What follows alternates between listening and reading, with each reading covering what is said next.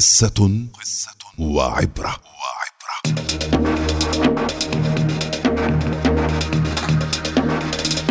يحكى أن أستاذا تقدم للعمل في مدرسة عرفت بشغب طلابها. حذره الجميع من ذلك إلى أنه أصر؟ ومع إطلالته الأولى في الصف برز أمامه طالب ضخم الجثة مشاكس الطباع وقال لرفاقه لن أطلب مساعدة منكم بإمكاني أن أغلبه وحدي.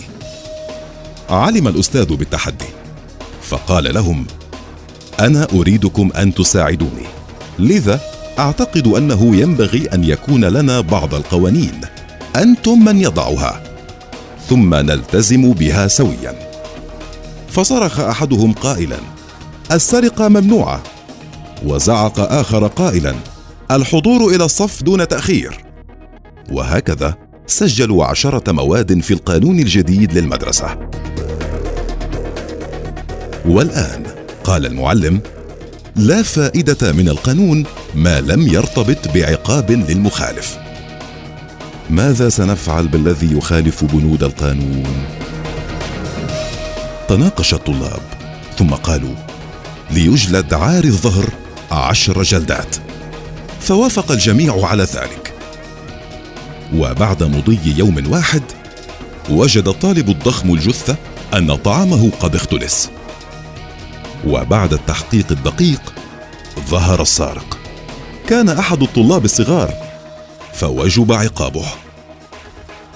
تقدم الفتى الصغير مرتجفا وهو يسير ببطء وكان يلبس معطفا مقفلا حتى الرقبة. وراح يتوسل المعلم قائلا بإمكانك أن تجلدني بأقصى شدة. لكن أرجوك لا تطلب مني أن أخلع معطفي. أصر الجميع على تطبيق القانون فابتدأ يفك أزرار المعطف. ويا له لما رأى الجميع لم يكن المسكين يلبس قميصا تحت المعطف بل كان جسده النحيل عاريا وعظامه بارزة لشدة هزاله. فكر المعلم في نفسه كيف يمكن أن نجلد هذا الصبي؟ خيم الصمت وبدأ الانذهال على الجميع. كيف حدث أنك بدون قميص يا صبي؟ فأجاب لقد توفي والدي ووالدتي فقيرة جدا وليس عندي سوى قميص واحد وهي تغسله اليوم. لقد ارتديت معطف أخي الكبير لأستدفئ به. تلعثم المعلم واحتار في أمره.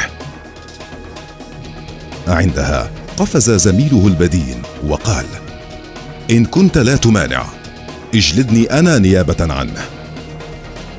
فهرع المذنب يلف ذراعيه حول عنق زميله البدين قائلا أنا متأسف لأني اختلست طعامك لكني كنت جائعا جدا.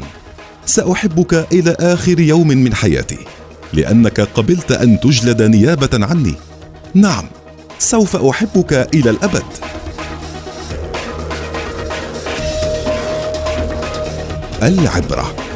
ليس أسمى من أن يسامح الإنسان أخيه الإنسان سوى أن يتحمل عنه وزره.